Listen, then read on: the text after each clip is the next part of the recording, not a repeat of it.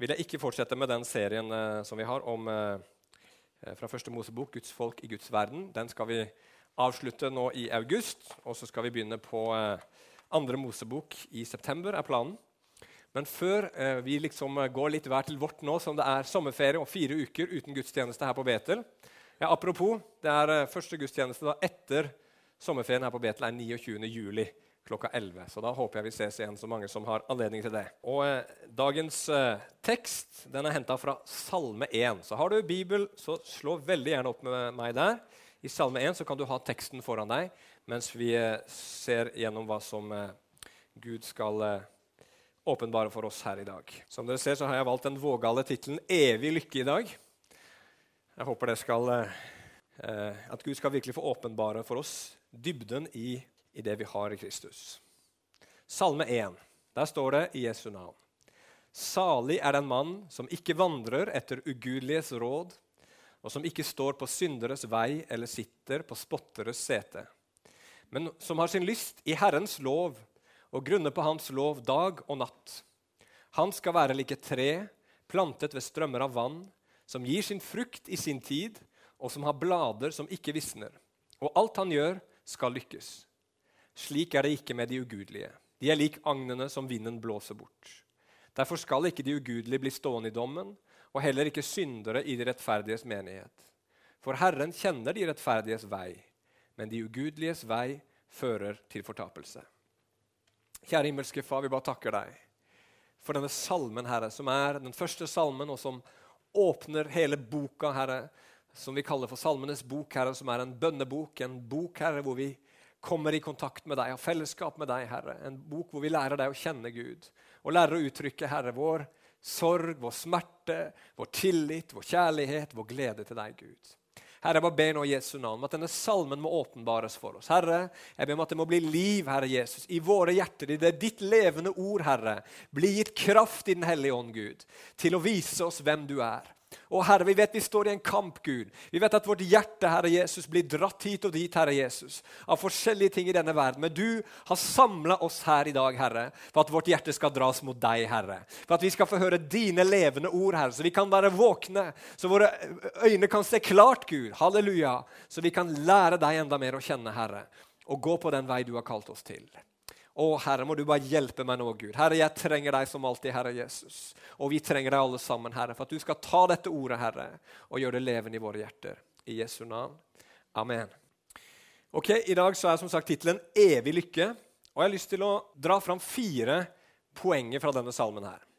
Det første poenget er hva er lykke? Eller hva lykken er. Det andre er hvor lykken er. Og det tredje er hvor lykken glipper. Og det siste er hvem som er den lykkelige. Det skal vi snakke om ut ifra denne salmen. Vi begynner med det første spørsmålet hva lykken er. Altså, hva er lykke? Og Som dere sikkert har lagt merke til, så begynner denne salmen med ordet 'salig'. Og 'Salig' er et ord du finner veldig mange ganger i Bibelen. Og Her så kommer det fra et eh, hebraisk ord som kan oversettes med lykke eller glede. Altså som eh, et substantiv. Men det kan også oversettes som et adjektiv. Lykkelig eller glad. Så den aller første setningen i denne salmen her kan oversettes enten 'Lykkelig er den mann som', eller 'Glad er den mann som'. Men det kan også oversettes enda sterkere 'Lykken er den mann som. Eller gleden er den mann som. Og Bibelen, Guds åpenbaring til oss, er gitt oss for at vi skal være lykkelige. Eller for å si det litt mer kristent, da salige. Men essensielt så er det ikke noe stor forskjell på det. Sann lykke er sann salighet. Og det er det Gud vil for våre liv. Og det Bibelen åpenbarer oss om lykke, det er for det første at lykke er mulig. Bibelen forteller oss at lykke er mulig. Den er ikke på den ene siden automatisk eller på den andre siden umulig, men den er mulig. Og du vet hvordan det er når du er barn. Sant? Da tenker du at lykke det er noe helt naturlig og normalt i livet. Og så gleder du deg til du vokser opp, og blir voksen, for da blir du i hvert fall lykkelig. Ikke sant? Så er det kanskje sånn at de fleste av oss oppdager når vi vokser opp og går fra liksom barndommens lykke til det å bli en voksen, at vi skjønner at lykke er det ingenting automatisk med i det hele tatt. Du kan gjøre alt rett, sånn som du tenker. Du kan liksom holde deg unna de dumme tingene og prøve å gjøre alt rett. Og likevel så svinner lykken hen sånn sand, sand mellom fingrene. ikke sant? Du føler du har den, og så bare renner det ut. Det som ofte skjer da, spesielt hos mennesker som har jaga veldig etter lykken, det er at til slutt så ender man opp med å si nei, lykke det er bare en, et luftslott. Fantasifortelling. Fins ingenting som heter lykken. Mennesker som har blitt skuffa, de, de, sier det. Men Bibelen forteller oss at det verken er sånn at lykken automatisk bare kommer. Den sier heller ikke at lykken er noe umulig, en eller annen illusjon som vi mennesker har gjort oss for å kunne takle livet og ha et eller annet å håpe på. Men Bibelen forteller oss at lykken virkelig finnes, og at det er mulig å bli lykkelig. Men at den nok ikke er helt sånn som mennesker tror at den er. Men den er mye bedre. Mye bedre. Og hva er lykken ifølge Bibelen? Hva er lykken? Jo, det står her at det er som å være som et tre plantet ved strømmer av vann, som gir sin frukt i sin tid, og som har blader som ikke visner, og alt han gjør, skal lykkes. Så Ifølge Bibelen så er lykken som å være et frukttre ved en elv. Ok? Ok, Hva betyr det? Vel, la, la, la, oss først legge merke til hva det ikke står her. Det står ikke at lykken er f.eks. å være et tre som alltid står i en behagelig fønvind fra sør. Som aldri opplever stormer eller uvær. Det står heller ikke at lykken er som å være som en fri gasell som kan løpe og springe dit den vil. Eller lykken er å være en mektig løve som ingen tør å utfordre. Eller lykken er å være en prins eller en prinsesse født med en sølvskje i munnen. Nei, lykken er å være som et tre ved en elv. Og Jo mer jeg har sittet og tenkt på dette bildet, her, så syns jeg det er, det er et veldig bra bilde for oss. For det første så er det noe helt ordinært og vanlig med et tre. Det fins sikkert det er jo ingen som har telt, men det finnes sikkert milliarder av trær i verden. Helt vanlige ting. Og lykken med andre ord fins ikke i det å være noe spesielt. Ikke sant? Vi tenker så lett det. Bare bare det er noe spesielt med meg, så skal jeg bli lykkelig. Nei, lykken finner du i det helt ordinære og det helt vanlige. For det andre, det, hvis det er én ting du kan si om et tre, så er det at treet er fastlåst. Det sitter fast. Og det kan ikke gå noe sted, det kan ikke flytte, det kan ikke endre på noen som helst måte sin situasjon. Det sitter helt fast. Hvis du føler deg fastlåst i livet ditt, og det er det mange mennesker som gjør, så betyr ikke det at ikke du kan finne lykken der hvor du er. For lykken fins ikke i frihet eller i muligheter. Det er ikke der du finner lykken, selv om vårt samfunn tenker at det er det som gjør deg lykkelig. Nei, vi kan enkelt si, og det tror jeg du kan se dette bibelverset her, at lykken den finner du, og den avhenger av hva som går inn i deg, og hva som kommer ut av deg. Alt annet enn det som kommer inn i deg, og det som går ut av deg, er uvesentlig for å bli lykkelig. Hvem du er, hvilken bakgrunn du har, hvilken fortid du har, hvem du er gift med, hva slags arbeidssituasjon du er i, hva slags utdannelse du har, hvordan det står til med helsa di, eh, hvordan dagsformen er, hvordan følelsene dine er. Ingenting av det, sosialt liv, eiendeler, ingenting av det har noen ting å si for sann, ekte lykke, sånn som Bibelen snakker om. Så hva er lykken? Hva er det som skal komme inn i oss, og hva er det som skal gå ut av oss, ifølge Bibelen? Jo, Lykken er, kjære venner Og Gud må bare minne oss på det om igjen og om igjen, for vi er så flinke til å gå på avveier her. Lykken er å drikke av Guds evige kilde og bære frukt gjennom å gjøre godt for andre mennesker. Det er Bibelens visjon. Du vet, Et, et frukttre den eksisterer nesten bare for det. Den eksisterer, står der for å drikke vann, vokse og produsere frukt. Og Sånn er det med oss også. Vi ble skapt av Gud med disse to hensiktene for våre liv først og fremst. At vi skulle drikke av Han, og at disse livene våre skulle produsere god frukt for, vel, for å velsigne verden, for å velsigne andre.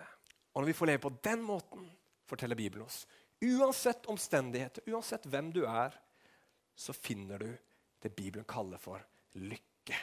salighet. Og Da er det neste spørsmålet hvor er denne lykken? Altså, Hvordan får jeg dette livet? Og Når Bibelen svarer på sånne typer spørsmål, så har det veldig ofte både en negativ vinkling og en positiv vinkling. Altså Bibelen forteller oss noe som vi ikke skal gjøre, og noe som vi skal gjøre. Hvis du kommer til doktoren din, og kanskje ikke alt er helt 100% på alle testene, så ber han deg gjerne slutte med noe og begynne med noe. Ikke sant? Slutt å spise sukker og fett. Begynn å spise grønnsaker, drikk vann, og ut og løp. Eller gå, i hvert fall.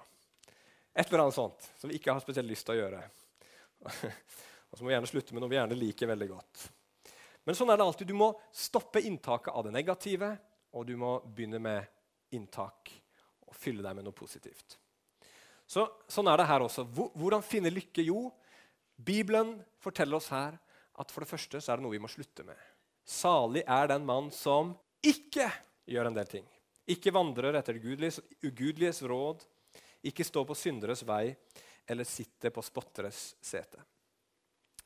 Så det Bibelen forklarer, er at lykken begynner med at vi bryter fellesskapet med synderen. Og så åpner vi opp, sånn som det står videre, for kraften i fellesskapet med Gud. Og Det hørtes kanskje litt drøyt ut. Jeg skal forklare hva jeg mener med det. Hva vil det si å kutte fellesskapet med synderen? Jo, det vil si å ikke følge etter denne verden i deres råd, i deres livsførsel og i deres holdninger. Råd, livsførsel og holdninger. Og Det begynner alltid med dette rådet. Salig er den mann som ikke vandrer i ugudelige menneskers råd. Veldig ofte så er du og jeg i situasjoner hvor vi ikke vet hva vi skal gjøre. Vi kan være frustrerte, vi kan stå på valg, det kan være vanskeligheter i livene våre. Og så kommer mennesker med råd, og du får råd fra alle hold. Og så får du også råd fra de ugudelige. Og det Ordet betyr bare mennesker som ikke kjenner Gud. Og da er det ikke alltid sånn veldig sjelden egentlig at mennesker som ikke kjenner Gud, sier liksom ja, synd så mye du vil, eller liksom, bare følg djevelen, eller noe sånn forferdelig rett i ansiktet, sånn som det. Men det verden ofte gjør, de ugudeliges råd, høres ofte veldig fine ut. Ganske logiske, ganske fornuftige. Men så er det verdens visdom som leder oss bort fra Gud. Og jeg satt og tenkte litt på det, altså, hva, er det, hva er det typiske vi hører nå for tiden av det som kan kalles for verdens visdom? Så kom jeg på et par stykker. F.eks.: Nå må du tenke litt på deg selv. Jeg har hørt mange mennesker si at nå skal jeg begynne å tenke litt på meg selv, og jeg har aldri sett det føre til noe veldig bra i livene deres. For de litt yngre så er det noe som heter yolo. Har dere hørt om det? Det er en forkortelse for You Only Live Once. Du lever bare én gang, hvilket ikke er sant i det hele tatt. Liksom det er en tanke på at vi bare lever dette livet her nede på jorda. Og da er det liksom bare gjør det du har lyst til. Du lever bare én gang. Kom igjen, slå deg løs. Ta en sjanse.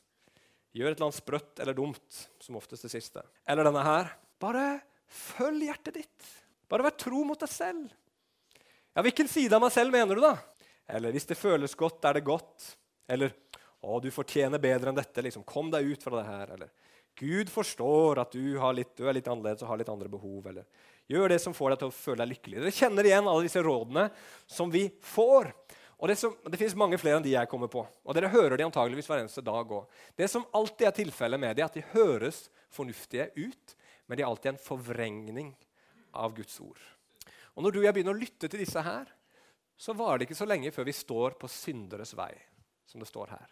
Plutselig så har livet vårt tatt et steg vekk, og så begynner vi å gjøre de tingene som er mot Guds vilje og er ødeleggende for oss.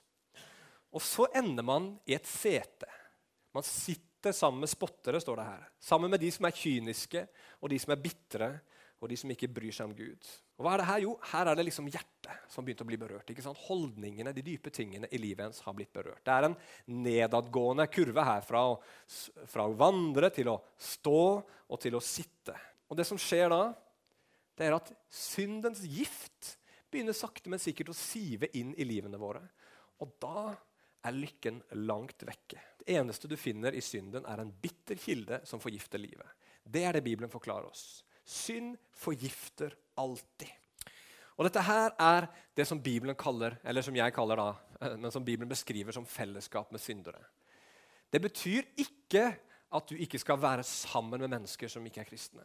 Det betyr ikke at du skal ha venner som ikke er kristne. Snarere tvert imot. Vi skal være midt iblant dem. Vi skal være i verden, men ikke av verden. Det betyr at vi har fellesskap med dem i den forstand at vi er sammen med dem.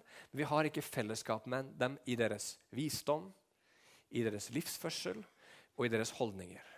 Der skal vi være annerledes. Du kan gå på en fest når du er en kristen, men du går ikke der for å ha fellesskap i fyll og urenhet.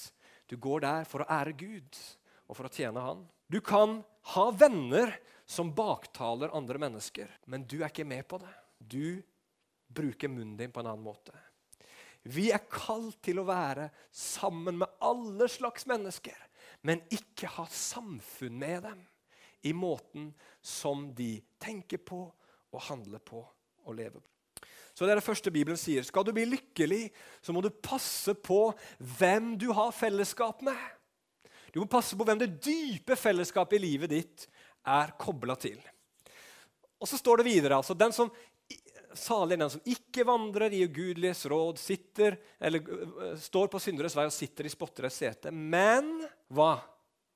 Står det men lytter til de gudsfryktiges råd og går på de rettferdiges vei og sitter sammen med de som priser Herren. Er det det står her? Nei, og det, det betyr ikke at det ikke er noe bra. Det er godt å være her i dette fellesskapet her. Men det Bibelen sier at lykken fins, ikke først og fremst i fellesskapet med hverandre, selv om det er en flott ting, men det finnes mest av alt i fellesskapet med Gud selv. Altså Vi må avskjære oss fra det negative fellesskapet med verden og så må vi inn i det positive fellesskapet med Gud. Og hvordan skjer det? Jo, det står her at denne personen har sin lyst i Herrens lov. Det høres ikke så veldig lystbetont ut. Norges lover gir deg mye glede. Ikke jeg, i hvert fall. Men når det står her 'Herrens lov', så er det det hebraiske ordet 'tora'. Det kjenner vi til. Som er brukt. Og det betyr ikke bare lov, men det betyr undervisning. Og det er et samlebegrep for alt Guds ord. Ha sin lyst i denne boka her. Glede seg over den, lengte etter den, hungre etter den. Finne sin glede i denne boka her. Det vil si at du ikke leser Bibelen av kristen plikt, at du kommer til den og sier dette er det levende ordet fra Gud. Dette er det beste jeg har i, mine, i, i, mitt liv. For her har jeg fellesskap med Gud. Og ikke nok med det, står det, men du, du grunner på den dag og natt. Og hva i all verden betyr det? Jo, det er noe som vi alle sammen er utrolig flinke på. Alle som sitter her inne, er eksperter i dette allerede. På hvilken måte da? Jo, for det første så er det noe som heter bekymring. Og hva er bekymring? Jo, det er å grunne på alt som kan gå galt. Dag og natt for noen av oss. i hvert fall. Ikke sant? Du vet hvordan det er. Hva om det skjer, liksom? Og hvordan skal det gå med han? Og hvordan skal det gå med det? Og jeg gruer meg til den dagen i morgen. Og hva skjer? Jo, det bare står på repeat ikke sant, i hodet ditt. Om igjen og om igjen og om igjen. Da grunner du på det. Alle her inne vet hva det er for noe. Det er den ene siden. Eller så har vi også dette begjæret som lever i oss. ikke sant? Et eller annet vi lengter etter, et eller annet vi drømmer om. Du skal kjøpe en ny bil eller skal få et nytt kjøkken. Hvordan er det da? da? Går det liksom her? Woohoo! Tenker på denne bilen og å, Skal jeg velge skinnseter, eller skal jeg velge liksom, jeg vet ikke hva som her, men eh, automatgir eller manuelt? eller liksom, Sitter du der og tenker drømmer? Å, Skal kjøkkenet være hvitt, eller skal det være caffè latte? Eller, ikke sant? Det går bare sånn hele tiden. Hva gjør du da? Du grunner! Du grunner på det. Og det er jo greit nok. Kommer litt an på hva det er. Det kan være synd vi driver og grunner på, synd vi begjærer. Men den tankekraften som du og jeg har, den evnen vi har, den, dette vi allerede er opplært til å grunne Hva sier Gud vi skal bruke den tankekraften til? Grunne på hans løfter, grunne på hans godhet, grunne på hans veiledning, grunne på hans gode bud for våre liv. Grunne på det! Fylle tankene dine med bibelvers! Det, sier Bibelen, at er veien til lykke.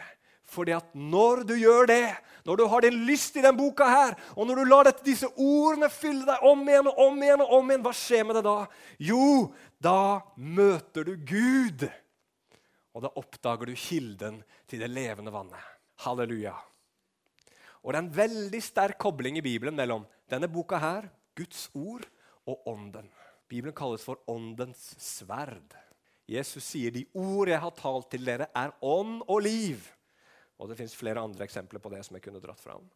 Så veien til lykke, hvor Finner vi lykken? Jo, lykken finner du når du bryter det dype fellesskapet med synderen, og så trenger du inn i fellesskapet med Gud gjennom denne gode boka her som Gud har gitt oss. Så er det punkt nummer tre hvor, eller hvordan lykken glipper. Hvis vi leser videre i salmen i vers 4, så står det rett etter dette verset om treet. Slik er det ikke med de ugudelige. De er lik agnene som vinden blåser bort. På hebraisk så står det her 'ikke slik de ugudelige'. Jeg vet ikke om du ser det, men det er en sånn sterk betoning. Det er som om forfatteren her virkelig skjønner at vi trenger hjelp til å forstå at dette vakre treet som vi ser i vers 3, det er ikke det du får hvis du går og lytter til de ugudeliges råd og står på deres vei og sitter i deres sete. Da blir du som agnene. Agnene er de små bladene som, eh, som står rundt eh, kornet, og som vi slår kornet ut av. Og de er tørre, livløse og blåser vekk med vinden. Denne salmen forsøker å få oss til å se det som vi ikke så lett ser, nemlig at på synderens vei så fins det bare død og ulykke. Hvorfor gjør han det? Eller hvorfor gjør Bibelen det? Ja, tenk på det her. Hvorfor er det sånn at mennesker drikker seg fulle i helgene? Hvorfor er det sånn at mennesker ser på pornografi på Internett? Hvorfor er det sånn at noen forlater ektefellen sin til fordel for en annen? Hvorfor er det noen som velger å snyte på skatten eller på andre måter underslå penger? Hvorfor er det noen mennesker som har sex utenfor ekteskapet? Hvorfor er det noen mennesker som baktaler og angriper andre mennesker? Er det ikke sant at vi egentlig gjør det fordi vi tror det skal gi oss noe vi trenger? At det skal lette litt på trykket? At det skal gjøre vårt liv litt bedre? Er det ikke sånn? Jeg tror at bak all vår menneskelige synd så ligger det en forvrengt lengsel etter lykke. Den lengselen den ligger der fra Gud, men fordi vi er ødelagte av synden, så kan vi fornemme noe godt ikke sant? i ting og i sex og i penger og i relasjoner og alt dette her. Men når vi i alle disse tingene søker lykken, så blir lykken like flyktig som sommeren på Jæren. Forsvinner fort. Du føler den er der. Ja Nei. Det er problemet vårt. Det fins noe galt på innsiden hos alle sammen. Noe som lengter etter lykke, for Gud skapte oss sånn. Og så ser vi alle disse tingene rundt oss. Ja, der! Der skal jeg finne lykken. Å, mer penger. Å, jeg må, mer, jeg må få flere venner. Eller å, bare jeg hadde hatt noen å liksom, dele livet med. Eller begjære et eller annet. En annen livsstil, et annet et eller annet. Og så tenker man her finner jeg livet. Men sannheten er at det grønne treet som bærer frukt og drikker av kilden som du lengter etter å bli, finner du ikke når du jager etter synden men du blir som tørre agn som vinden blåser bort. Nå er det høysesong for gay pride.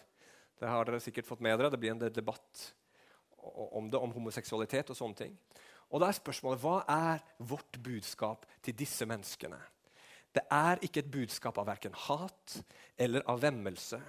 Men vi har et budskap. Det kristne budskapet til mennesker i den situasjonen er helt likt til alle andre syndere. Det er viktig å forstå. Det fins ikke egne kategorier med syndere. Alle sammen er syndere. Og alle sammen trenger det samme budskapet. Hva er det? Jo, vi vet hva dere søker. Vi vet hva dere lengter etter. Vi vet det fordi vi er akkurat som dere. Men tro oss, den veien dere går på nå, den fører ikke til liv, og den fører ikke til lykke. Og vi vet det, for vi har gått på den veien selv. Vend om istedenfor. Denne veien fører til ødeleggelse. Vend om istedenfor og kom til Gud. Gå på hans vei. Der finner du lykken. Det er det vi kristne må forstå. Vi har et budskap som er positivt, i den forstand at vi ønsker å vise mennesker hva de virkelig trenger. Men da må vi avsløre den løgnen som alle mennesker tror. At et eller annet sted her nede på jorda, uansett hva det er, bare jeg får det, så finner jeg lykken. Men sannheten er at du finner, det er ikke bare at du ikke finner lykken, men du finner det motsatte. Du finner ødeleggelse. Du finner destruktive krefter. Du finner mørke. Du finner død. Og Derfor så fortsetter denne salmen her med ganske sterke ord mot slutten. Den sier Derfor skal ikke de ugudelige bli stående i dommen, og heller ikke syndere i de rettferdiges menighet. For Herren kjenner de rettferdiges vei, men de ugudeliges vei fører til fortapelse. Et liv borte fra Gud, et liv på vei bort ifra Gud, et liv hvor du søker lykke og liv utenfor Gud, fører til at du og jeg blir fordømt av den gode, rettferdige dommeren som Gud er. Og at vi blir avskåret fra fellesskap, det sanne menneskelige fellesskapet som Gud i sin menighet har lagt opp til. Og vi havner i evig fortapelse borte fra Guds herlighetsåsyn. Det er resultatet.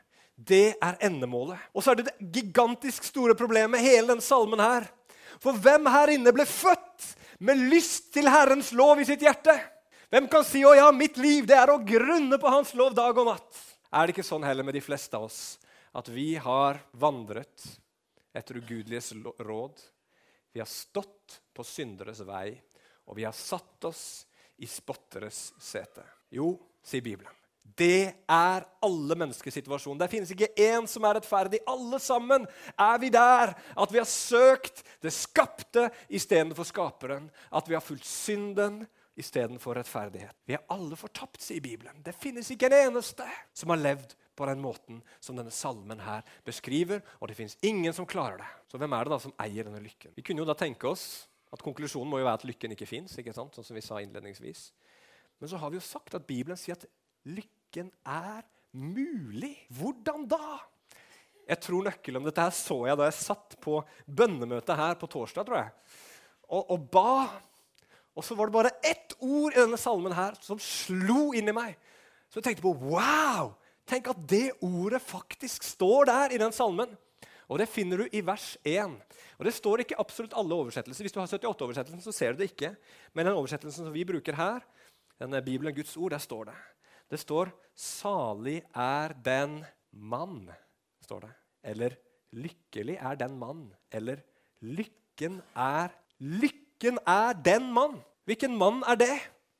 Som aldri har vandra i ugudeliges råd. Hvilken mann er det som aldri har stått på synderes vei og aldri har sittet i spotteres sete?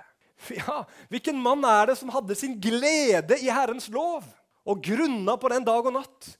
Jesus fra Nasaret. Der ser du den mannen denne salmen prater om. Han var syndere og tolleres venn, men hadde ikke fellesskap med dem i deres synd. Og i alle situasjoner han kom, hva var det som kom ut av hans hjerte da? Jo, det var det som vi kaller for Det gamle testamentet.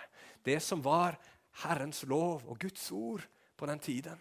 Det tøt ut av han i alle situasjoner. Hvem er denne mannen som her kalles for selve lykken? Jo, det er Jesus Kristus. Ble han da dette grønne, drikkende, velsigna treet?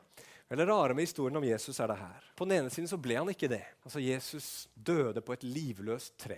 Han ble forbanna, ikke velsigna. Det var ikke liv, det ebba ut. Han døde. Denne kilden som det står snakk om, da, hvordan var den? Jo, Det står at Jesus på korset han ropte 'Jeg tørster!' Så står det helt til slutt at han ropte ut i sin nød 'Min Gud, min Gud, hvorfor har du forlatt meg?' Det fellesskapet som blir beskrevet i den salmen her med Gud. Jesus erfarte det absolutt motsatte. Men allikevel, ja! Hvis du leser litt videre i evangeliene, så ser du at tre dager etterpå sto Jesus opp igjen. Og da ble han som dette treet her. Full av liv, full av herlighet, full av kraft. Velsigna, seierherre over dødens makt.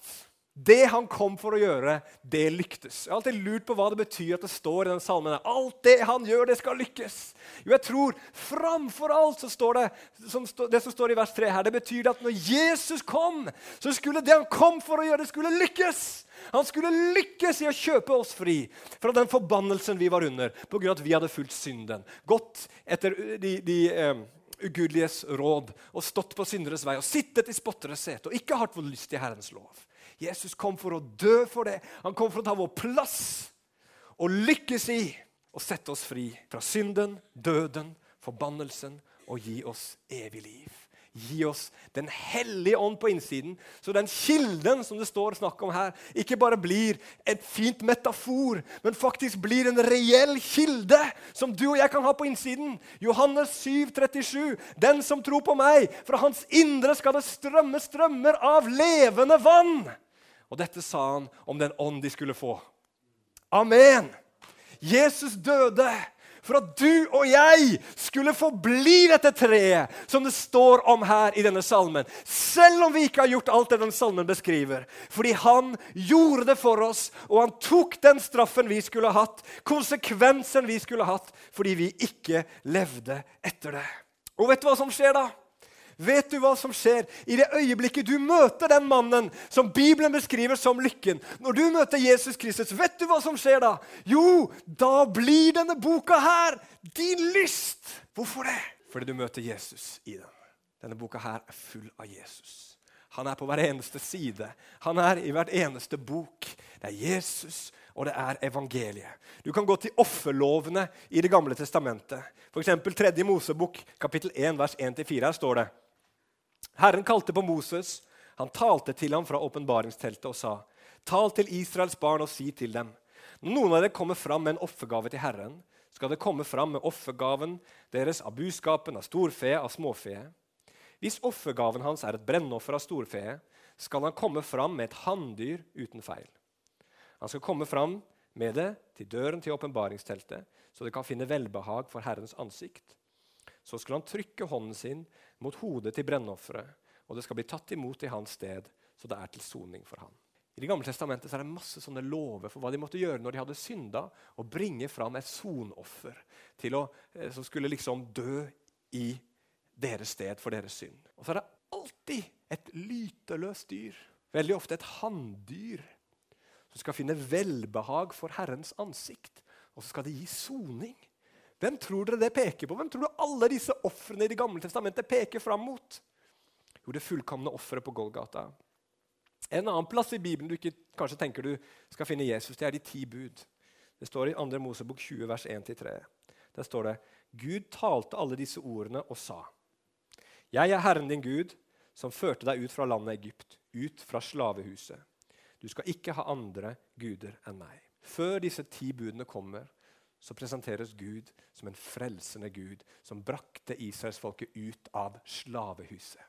Hvem er det det står om i Bibelen? At hvis han får frigjort dere, så blir dere virkelig fri. Hvem er det som frir fra alt slaveri? Fra syndens slaveri? Hvem er det? Det er Jesus. Og Hvis du leser, og jeg har blitt så velsigna av det selv de siste årene, jo mer jeg forstår denne boka, her, jo mer skjønner jeg at Jesus han er overalt. Det har ikke vært sånn at det var en gang sånn at du kunne frelse deg sjøl gjennom dine gjerninger. Det har alltid vært sånn at Gud har forkynt evangeliet til sitt folk. At han alltid har sendt dem en frelser, en redningsmann, en hjelper, som skulle peke fram mot den store hjelperen og frelseren som en dag skulle komme og frelse alle de som stoler på ham. Det har alltid vært det samme gjennom hele Bibelen. Denne boka her handler om den mannen. Lykken er den mannen som levde det fullkomne livet for oss. Ga sitt liv for oss for at vi gjennom han skulle gå fra døden og fortapelsen til livet og det evige livet. Hva er veien til evig lykke, herre? kjære venner? Hva er veien? Jo, veien til lykke er å møte Jesus Kristus og gjennom han få et kontinuerlig levende fellesskap med Gud. Leve med Gud hver eneste dag, så lenge du er her nede. Møte han i denne boka her hver eneste dag. Og så skal du bli tatt opp i herlighet, som Bibelen sier, og få se han ansikt til ansikt. Og da kommer vi fram til der hvor alle våre lengsler blir fylt. Tenk på det! Når du står framfor Gud og ser Han ansikt til ansikt, da fins det ikke en lengsel igjen i ditt liv som ikke er fylt. Og Han skal bare fylle på, fylle på, fylle på alle disse dype lengslene som vårt liv er fylt av. For det er bare Han som kan fylle det tommerommet som er her inne. Det er bare Han, og han skal fylle det til gangs. Han skal fylle det sånn at i all evighet så kommer vi til å juble, og vi kommer til å danse, og vi kommer til å synge, og vi kommer til å være glade. Men allerede nå kan du smake og se at Herren er god. Allerede nå kan du møte Jesus. Amen. Halleluja.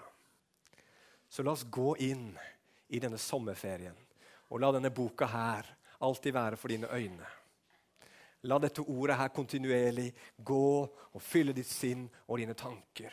La alltid Jesus få tale til deg gjennom sitt ord, så du kan være som et tre de neste ukene som er planta ved rennende bekker, som gir sin frukt i sitt tid, og som har blader som aldri visner. Og alt det vi gjør, det skal til syvende og sist ha framgang og lykkes for den som stoler på Gud. Amen. Kjære himmelske Far, jeg har lyst til å takke deg, Herre. Du ser at vi trenger deg, Gud. Du ser at vi vet hva som er godt, men vi gjør det ikke. Vi vet hva som er rett, men vi får det ikke til. Men Herre, jeg takker deg for du sendte Jesus for å gjøre det i vårt sted. Så våre hjerter kunne bli, bli forandra, Herre. Så vi kunne bli forandra, Herre. Og så vi kan begynne å ha vår lyst i din gode vilje. Halleluja. Vi priser deg og ærer deg for det. Herre, jeg ber for meg selv, Herre Jesus, at jeg skal være nidkjær i denne ferien på å lese dette ordet hver, hver morgen og hver kveld. Ikke gjøre noe unntak. Og Jeg ber om at du skal la det være min lyst, Herre Jesus, og at jeg skal få møte deg hver dag. Jeg ber deg for mine brødre og søstre her også, Gud. Må denne boka være vår lyst i sommerferien, Herre. Og vi må, må vi få møte deg gjennom den, Herre. Og få bli fylt, Jesus, av din kilde. Og få bære frukt, sånn som du har tenkt i denne ferien. I Jesu navn. Amen.